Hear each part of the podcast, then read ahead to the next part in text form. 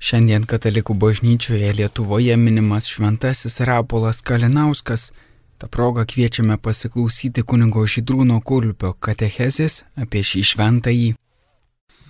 Garbėsiu Kristui, mėly Marijos radijo klausytojai, noriu Jums pristatyti ir truputėlį papasakoti plačiau apie mūsų šventąjį Rapolą Kalinauską, kuris buvo kunigas ir karmelitas.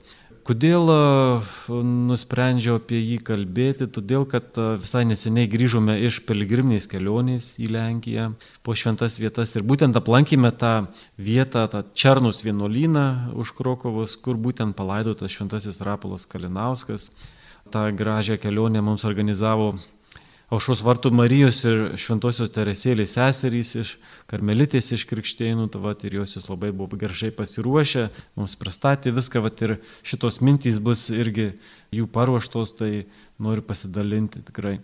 Taigi Šventasis Rapolas Kalinauskas um, gimęs 1835 metais, miręs 1907 metais. 1983 m. birželio 22 d. popiežius Jonas Paulius II Krokuvoje paskelbė jį palaimintuoju, o 1990 metais lapkričio 17 d. Romoje pripažino šventuoju Vilniuje gimusį ir augusį kunigą vienuolį Rapolą Kalinauską. Jis buvo 1863 m. sukilimo dalyvis taip pat e, kurio tikėjimą išgrinino būtent Sibiro tremtis. Šią kanonizaciją iš Sovietų imperijos besiveržiančiai į rytų Europai šventasis tėvas tarsi sakė, krikščioniškos pagarbos kiekvieno žmogaus teisins, kiekvieno sąžiniai ir kiekvienai tautai. Šventasis Rapolas buvo studentas, inžinierius, karininkas, ugningas patriotas, kalinys, tremtinys, išeivis, auklėtojas ir pagaliau 42 gyvenimo metus tapo karmelitų kunigu. Pakalbėkime dabar apie jo, jo vaikystę. Kalinauskas gimė Vilniuje 1835 metais rugsėjo 1 dieną bajorų matematikos profesoriaus Andriaus Kalinausko ir Juzefinos Polonskos šeimoje. Po antro pasaulinio karo jo namai neišliko. Pakrikštytas Juozapo vardu, jis buvo antrasis Andriaus sūnus, o pirmagimis brolius buvo vardu Viktoras. Motina mirė net nespėjusi pakrikštyti naujagimio ir mažai Juozapą auklėjo jaunesnioji mamos sesuo, teta Viktorija, kurią jo tėvas netrukus vedė ir susilaukė dar trijų vaikų - Karolio Emilis ir Gabrieliaus. Bet po devyniarių metų Viktorija mirė 1845 metais. Todėl Andrius vedė dar kartą 17-metę Sofiją Putkamer, Marylos Vereščiak, Mitskevičios poezijoje apdainuotos gražuoliais dukterį. Ji tapo visų Andriaus vaikų motina ir dar susilaukė savo keturių - Marijos, Aleksandro, Monikos ir Jurgio. Išsilavinusi, labai pamaldi, gailestinga, taip ją vėliau prisiminė Juozapas Kalinauskas. Turbūt todėl naują pamotę jis mylėjo kaip tikrąją motiną. Sulaukęs devyniarių metų, Juozapas pradėjo mokytis Vilniaus aukštuomenės institute, kuriame profesoriavo jo tėvas. Šį institutą įsteigė Rusijos valdžia, bet vėliau caras jį panaikino. Tėvas buvo tapęs šio instituto rektoriumi bet vėliau dėl sąžinės sumetimų atsistatydino. Juozapas pasižymėjo gabumais ir pavyzdingu elgesiu. Institutą baigė 1850-aisiais, būdamas 17 metų aukso medaliu. Jurgis, jauniausias Juozapo brolis, taip pat liudė apie jo gabumus. Mano tėvas, būdamas reikliu pedagogu, vieną dieną mums pasakė, jog negalys visiškai nieko prikišti Juozapui. Dabar pakalbėkime apie šventojų jaunystę ir studijų laiką. Pamaldžiai auklėjimas jis pajuto pašaukimą kunigystėj, bet tėvų patartas iš pradžių stojo į universitetą. Tuo metu buvo nelengva pasirinkti studijas, nes po 1795 metų LDK Lenkijos karalystės padalymo Vilniaus ir Lenkijos universitetus Rusijos valdžia buvo uždariusi. Nuo jaunystės buvo pamaldus į Jaušos vartų Mariją, kurios paveikslėlį turėjo su savimi per visą gyvenimą. 1851 pradėjo studijas Žemės ūkio akademijoje Gori Gorkose, netoli Oršos, Rusijoje, kur metus studijavo zoologiją, chemiją, agrikultūrą ir apikultūrą, bičių auginimą. Bet būdamas, kaip ir jo tėvas, apdovanotas matematiniais gabumais vėliau, 1853-57 metais, draugė su savo pusbroliu Lucijanu Polonskiu perėjo į Peterburgo karo ir inžinerijos akademiją, kurią baigė 1857 metais leitenanto laipsniu. Vėliau Kalinauskui teko gailėtis dėl tokio pasirinkimo. Atsiminimuose jisai rašė, kad tuomet jam dėrėjo stoti į kunigų seminariją, o kadangi to nepadarė, savo jaunystę laiko prarasta. Krymo karo metu buvo paskirtas kariuomenės inžinieriumi ir pasiūsas į Kronštato salą ginti Petrapilio nuo anglų polimo iš jūros pusės. Tais pačiais metais išlaikęs egzaminus buvo paskirtas šios akademijos matematikos dėstytojo. Dabar gyvenimas iki sukilimo.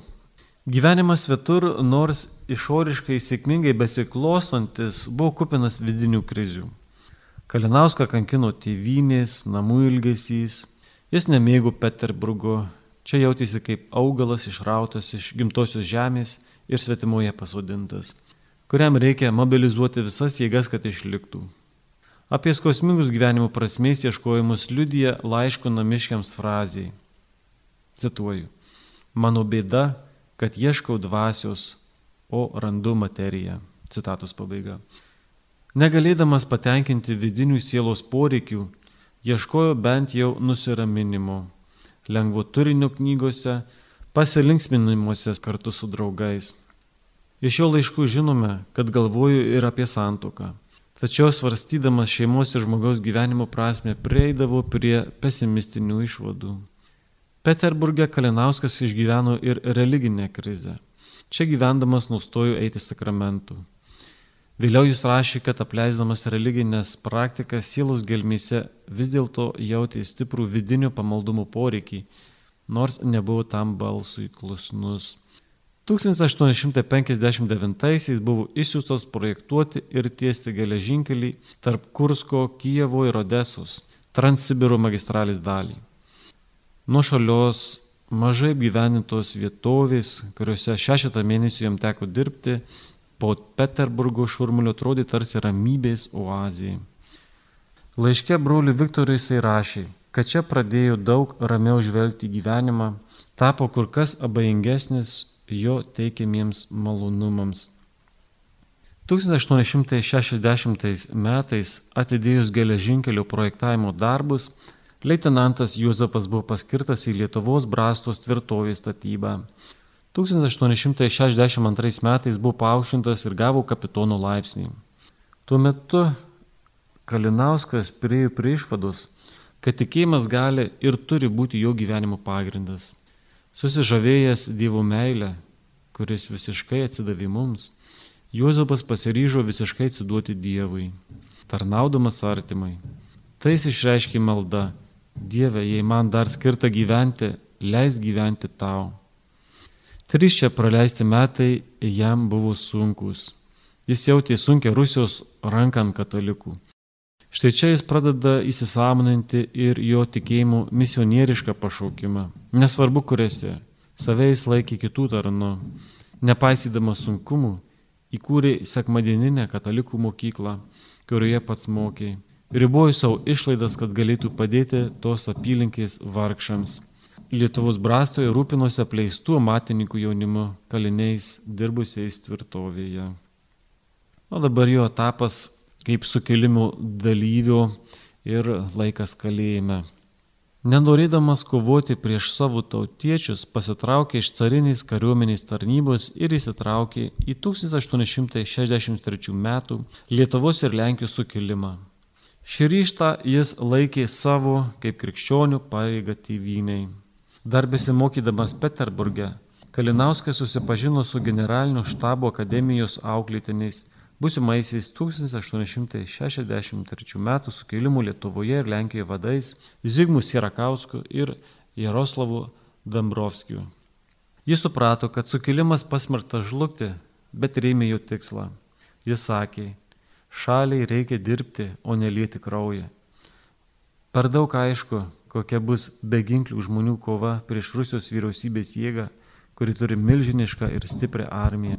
Kalinauskas tikėjo, kad įsitraukęs į sukilimą galbūt galės sumažinti neišvengiamą žalą. Ir gaisvarstė sutiko dalyvauti sukilime, bet su sąlyga, kad tvarkys tik karinius reikalus ir jam nereikės rūpintis revoliucinė propaganda ir mirties bausmių skirimu. Vyriausiai sukilimo vadovybė Kalinauską paskyrė sukilimo vadu Lietuvoje su būsinė Vilniuje. Savo štabą jis įkūrė savo name Apie tai nežinojau net jo giminės. Pasinėręs į sukilimo reikalus, Kalinauskas sėkiu išgyveno ir labai sudėtingą dvasinių permainų laikotarpį. Po dešimties metų atlikęs išpažinti, jis grįžo į bažnyčios prieglopstį. Tai jis aprašė savo atsiminimuose. Švenčiausios mergelės Marijos dieną misionierių bažnyčioje atlikau išpažinti. Apie tai, kas vyko mano sieloje, išpažįstant kaltes prie kunigo Eimanto kojų, galėtų nujausti tik tas, kas panašias akimirkas išgyveno. Nuo to karto kasdieniai malda išpažintis kas savaitę, komunija buvo neatsiejama jų gyvenimo dalis. Kalinauskas stebino ir žavėjo besimeldžiančių žmonių gausybė, dar nespėtose uždaryti Vilniaus bažnyčiose. Atrodė, kad pamaldumo dvasia apgaubi miestą. Šiomis akimirkomis Kalinauskas širdyje skleidėsi tikėjimas ateitimi bei kitokių gyvenimų nuojauta. Pamaniau, kad aprimus laikams, jei viešpas išsaugus man laisvę, pasišvesiu jam įstodamas į kapucinų ordiną Varšuvoje. Per dešimtį sukilimų mėnesių darė viską, kad išgelbėtų kuo daugiau gyvybių. Kaip ir pranašau, vienas po kito sukilimo vadai buvo suimami ir pakariami Turgaus aikštėje. Kitus siūsdavo į Sibirą. Beveik prieš jo namus esančiame Dominikonų vienuolyne rusai įkūrė kalėjimą, kuriame buvo kalinamas Lietuvos sukilimų vadas Konstantinas Kalinauskas, vėliau pasmerktas mirti. 1863 m. birželio 27 d. Vilniuje buvo pakartas ir Sirakauskas. 1864 m. kovo 24 d. caro kariuomeniai suėmė ir Juozapą Kalinauską. Savo prisiminimuose jis rašė. Vidurnaktį 1864 metais iš kovo 12 į 13 mane pažadino balsas. Tai buvo miesto policijos viršininkas. Jis paklausė, ar atsargos civilinis inžinierius kapitonas Kalinauskas čia gyvena.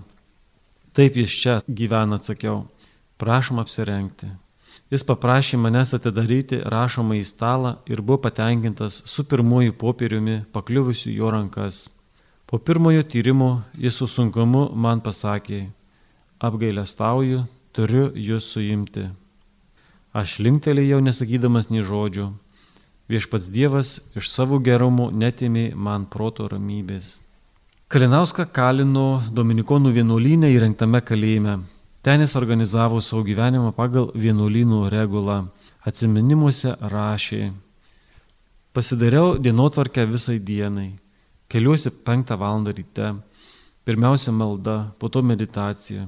Kai gaunu mąstymų knygas, labai nusiraminu. Galiu klausyti šventasias mišes iš tolo, bet patenkinamai.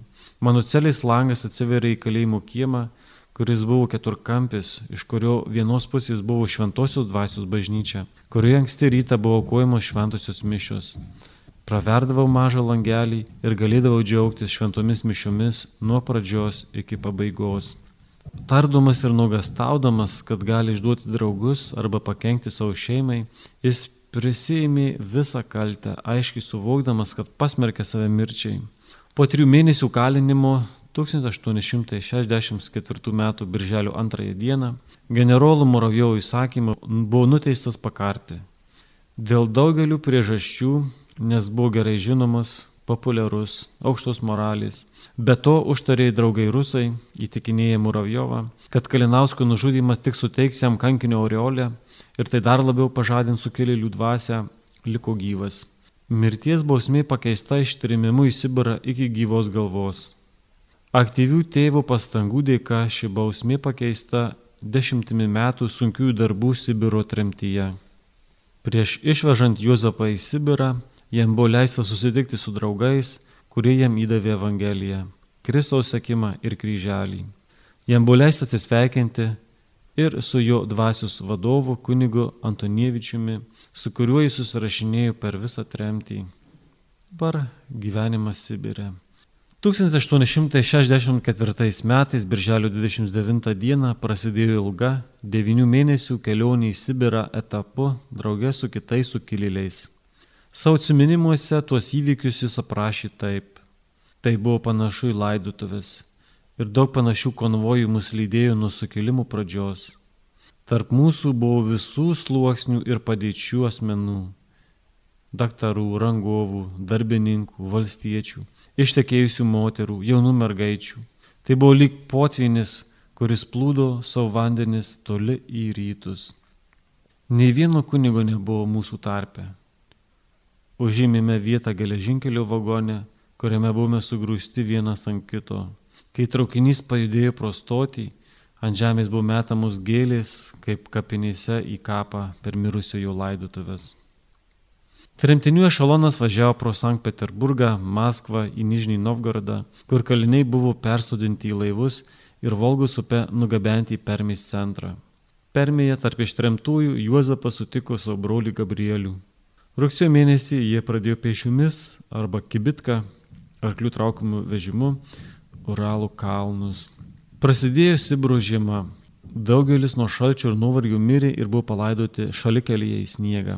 Juozapas rašė, Permiai buvo surinkimų punktas, iš čia pasmerkti buvo išsklaidomi į rytų pusę, įskaitant Permę ir į tolimuosius rytus, už Uralų ir prieš Uralą, didžiausi plotai tapo beribėmis dešimties tūkstančių aukų ištremtų iš savo tėvynės kapinėmis. Pats miestas Permi tapo tikrai to žodžio prasme tikromis kapinėmis. Kalėjime siautė dėmėtojai šiltiniai, be jokios medicinės pagalbos, be išganomųjų sakramentų, mūsų bendro likimų draugai palikdavo šį pasaulį. Likę gyvi pagaliau atvyko į Jūsolę, esančią kairiajame Angaros upės krante. Paskutinė kelionės atkarpa Juozapas taip paprašo. Lyjo, kelias purvinas ir pilnas kylių. Gerą dalį kelio ėjome pešiomis palį kraštą ir ledą, kuris jau tirpo ir lūžo į lytis. Šalkė, sušlapė ir sušalę atvykome į Usolės kalėjimo barakus. Su daugeliu kitų tremtinių Kalinauskas pateko į Usolės druskos kasyklas prie Irkutsko. Savo trimimo vietais pavadino didžiulėmis kapinėmis dešimtims tūkstančių aukų. Usolė buvo kaimas prie Angaros krantų. Kalniai gyveno upės saloje pastatytame didžiuliame barake, kur viskas buvo daroma bendrai. Sibiro šalčiai pasiekdavo 30-45 laipsnių žemiau nulio. Siauti lygos. Juozapas tarnavo savo likimo broliams kaip tik galėjo. Pats į stiprybę semdausi maldoje. Pasaulis gali iš manęs atimti viską, bet visada mano nusavybė liks viena slaptavietė, kurios pasaulis nepajėgs iš manęs atimti. Tai malda. Dalyvavimas sukilime ir sunkus katorgos metai ženkliai pakeitė Kalinausko dvasę, padėjo naujai atrasti Dievą, kančiai išmokė melstis ir būti jautriu kito žmogaus skausmui. Jis daug meldysi, nuolat skaitė Kristaus sekimą, švento Augustinų išpažinimus. Draugai tremtiniai Kalinauską laikė šventų vyrų ir savo kūrybos litanijoje meldysi. Per Kalinausko maldas gelbėk mus viešpatie. O čia matome iš tikrųjų, jeigu kalbėsim apie misijas, kad ne tik žodžių, bet ir savo gyvenimu daryti įtaką ar ne tą tikėjimą liudyti ir matome, kad tie kaliniai labai aiškiai pajuto tą Kalinausko gerą įtaką, kad galėjo netgi į maldas įtraukti jį. Dar tremties momentai. 1866 metais balandžio 16 dieną Amnestija jis buvo atleistas nuo katorgos darbų, o 1868 metais ir nuo visų priverčiamųjų darbų. Užbuvęs tris metus Usilyje, jam leista vykti į Irkutską. 1871-1872 metais Kalinauskas atliko meteorologinius tyrimus Rusijos geografijos draugijos Sibirų skyriui. Taip pat dalyvavo žymaus profesoriaus Benedikto Dybovskio mokslinėje ekspedicijoje į Kultuką prie Baikalų. Tremtyje ir Kutske išbuvo iki 1872 metų. Kalinauskas vėl pasižymė kaip tikras Sibirų misionierius. Po amnestijos jis pradėjo mokyti tremtinių vaikus ir padėjo garsiajam Sibiro klebonui tėvui Kristupui Šverniskiui renkti juos pirmai komunijai. Draugystė su tėvu Kristupu dėka gyveno turtingą dvasinį gyvenimą, daug skaitydavo teologinės literatūros, dažnai primdavo sakramentus. Juozapas ėmė ruoštis vienuolių gyvenimui, nesuprato, kad tai jo pašaukimas. Jam kilo mintis stoti į karmelitų ordiną, jei tik pavyks atgauti laisvę. Katorgos ir tremties metu, metus jis laikė pasirengimo vienuolio ir kunigo gyvenimui. Iš knygų puslapių jį pasiekė ir pirmoji informacija apie karmelitus. Atsitiko taip, prisiminė jis, kad beros šventųjų gyvenimo knygoje anuomet suradau žinių apie karmelitų ordiną, apie jo egzistavimą pradžioje rytuose o vėliau ir atsikėlimą į vakarus. Mano galvoje kilo mintis, kad tai ordinas, kuris galėtų į bažnyčią sugražinti schizmatikus. Ši krikščionių bažnyčių suartėjimo idėja užvaldė Kalinausko asmenybę, o jos įgyvendinimas tapo svarbiausiu jo tolesnių gyvenimų siekiu. 1872 metais išvyko į Permę, vėliau persikėlė į Smolenską, kur 1874 sulaukė laisvės dekreto. Galėjau persikelti į Lenkiją, bet neturėjau teisės gyventi Lietuvoje. 1874 metais balandžio 10 dieną paskutinį kartą susitikau su savo šeima Vilniuje. Atvykęs į Varšuvą apsigyveno netoli savo brolių Gabrieliaus. Pro savo langą galėjau matyti basųjų karmelitų bažnyčią ir vienuolyną rekomendavus tremties draugui Aleksandrui Oskierkai, gavo pasiūlymą būti kunigaikščių Ladislavų Čertoriskio gyvenusio migracijų Paryžiuje 16-mečio sūnaus Augustų auklėtoju. Paryžiuje Juozapas įsitraukė į politinę ir socialinę veiklą, dirbo su Lenkų pabėgėliais. Šiame mieste jis sutiko karmelitą švenčiausių sakramento Augustiną Mariją Herman Cohen, buvusį žymų žydų pianistą, konvertitą. Žavėjusi jo didžiu muzikiniu talentu, bet labiausiai giliu dvasingumu. Juozapo dievo alkis augo. Paryžiuje jis užsibuvo neilgai, nes 1876 metais jaunajam auklėtiniui nustatyta tuberkuliozės lyga. Dėl to teko daug keliauti. Trejus metus Kalinauskas gyveno įvairiuose miestuose ir vietovėse Šveicarijoje bei Italijoje. Tuo metu jis stengiasi perteikti Augustui aukščiausius dvasios idealus ir mokė fizikos bei matematikos. Kiekvieną dieną dalyvavo šventose mišiuose, daug meldysi, studijavo švento Augustinų, šventos Teresės, švento kryžiaus Jonų bei kitų dvasios mokytų veikalus. Daug bendraudamas su įvairių vienuolių nariais, domėjusi vienuolinių gyvenimu. Su Augustinu jėdu išsiskyrė 1877 m. Liepą Kalinausko įtaka jaunajam kunigaikščiui buvo tokia, kad Augustas atrado savo tikrai pašaukimą tapdamas kunigu ir vienuoliu. Jį priėmė į Saleziečius jų kūrėjas Šventasis Jonas Boskas 1887 metais. Po ankstyvos Augustino mirties 1893 bažnyčia pradėjo jo betifikacijos procesą. Dabar jo laikas Karmelyje. 1877 metais Liepos 15 dieną Kalinauskas įstojo į Basųjų karmelitų vienuolyje ir pradėjo novicijatą Grace, Austrijoje. Lapkričio 26 dieną buvo įvilktas į karmelitų abetą ir gavo vienuolio vardą. Tapo brolis šventasis Juozapo Rapolas. Po pirmųjų įžadų išsiustas į Dioro konventą Arab Vengrijoje teologijos bei filosofijos studijų. 1881 metais lapkričio 27 dieną davė amžinosius įžadus ir po to perkeltas į vienintelį po vienuolynų naikinimo Lenkijoje išlikusį karmelitų vienuolyną Černoje prie Krokovos. Čia 1882 m. sausio 15 d. gavo kunigystės šventimus iš Krokovos arkivyskupo Albino Dunajevskio. 1883 metais tapo Černos vienuolynų prioru. Černos vienuolynas tuo metu buvo vienintelis basų karmelitų vienuolynas Galicijoje. Tačiau ir jis išgyveno nuosmukio laikus. 1880 metais čia gyveno vos penki vienuoliai, o ir tie nebesilaikė griežtos basų karmelitų regulos, visiško atsiribojimo nuo išorinio pasaulio, tylos, asketiškumo, šiurkščių drabužių, nuolatinės abstinencijos, Tokia padėtis kėlė basų karmelitų vyresnybės Romoje susirūpinimą. Nuspręsta vienuolyną reformuoti. Kalinauskui tapus vyresniuoju jam buvo patikėta atsakinga užduotis - rūpintis reformos įgyvendinimu. Po keletą metų trukusio kruopštaus ir pasiaukojančio darbo vienuolyną pasisekė atgaivinti. Sėkme didelė dalimi laidavo šios nuostatos. Net ir mažiausiuose dalykuose laikytis regulus, būti ištikimam vienuolijos konstitucijai, to Kalinauskas reikalavo iš savęs ir kitų brolių. Tapęs kunigu, tėvas Rapolas 25 metus ėjo daug atsakingų pareigų provincijoje ir vienuolynuose. Buvo Černos vienuolynų vyresniųjų, provincijos patarėjų, Basų karmeličių provincijos vikaru, vienuolyno vadovicuose steigėjų ir vyresniuoju. Augant pašaukimams, vadovicuose pastatė naują kolegiją ir gražią Šventų Juozapo bažnyčią.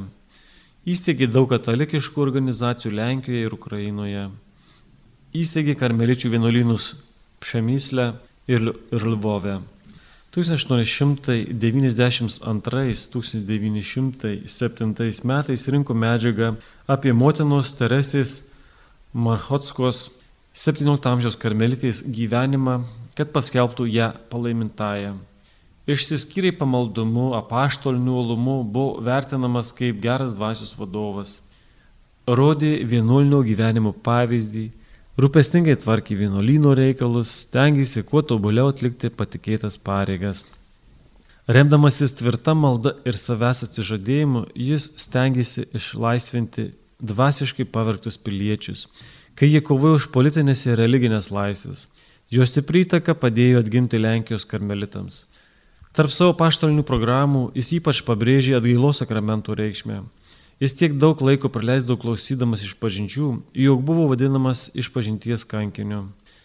Jo krašte buvo rytų piegų krikščionių. Tėvas Rapolas rūpinosi ne tik Ukrainos katalikais, bet ir okumeninė dvasia vietos ortodoksais. Savo tarnavimu jis siekia būti taikos pasintiniu ir taikintoju su rusais. Jis mylėjo stačiatikius ir stropiai siekė rytų bažnyčios susivienimų su Roma.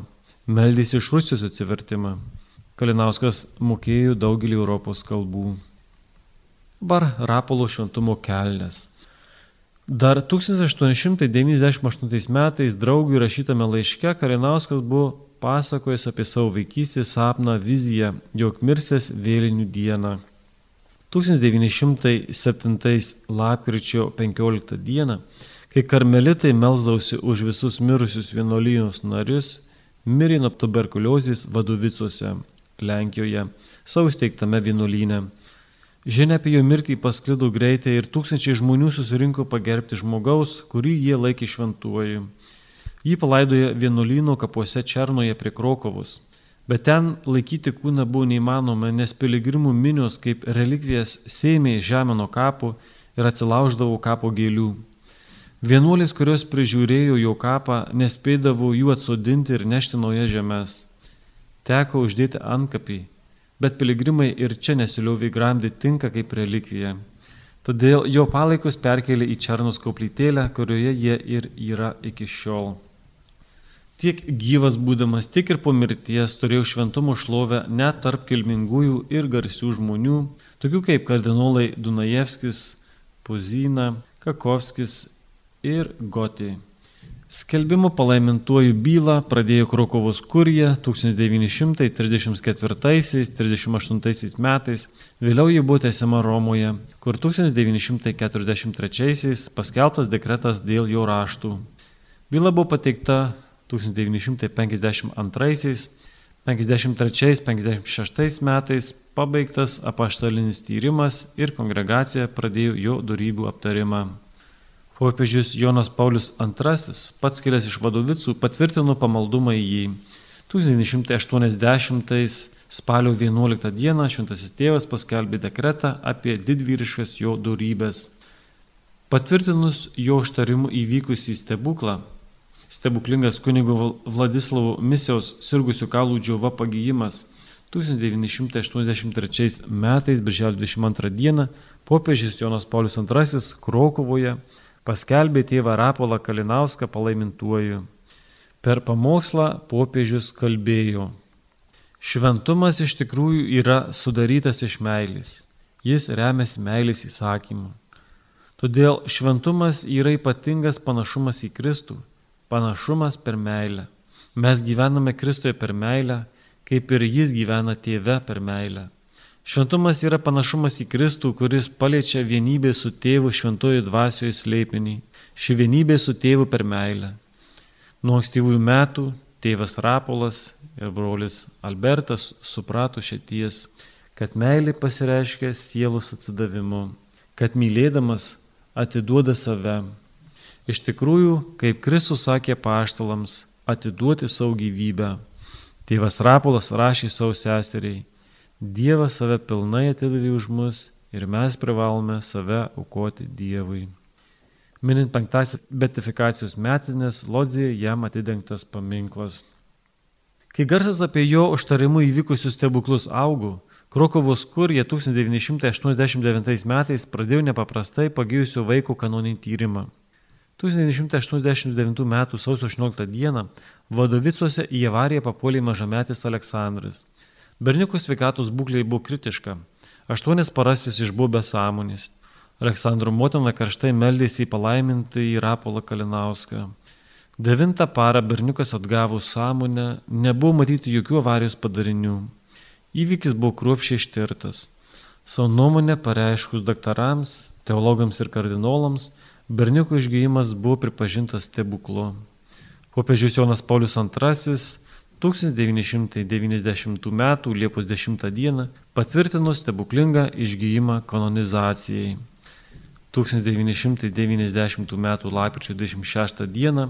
konsistorijoje Šventasis tėvas draugė su kardinolais nusprendė kanonizuoti palaimtą į Rapolą Kalinauską. Ceremonija buvo paskirta 1991 m. lapkričio 17 d. sekmadienį. Kanonizacijos apieigose dalyvavo delegacijos iš karmelitų ordinų Rusijoje, Baltarusijoje, Ukrainoje ir ypatingos iš Lietuvos ir Lenkijos su savo kardinolais ir vyskupais. Dalyvavo Lenkijos prezidentas Lechas Valensa, Lietuvos aukščiausiosios tarybos pirmininkas Vytautas Landsbergis.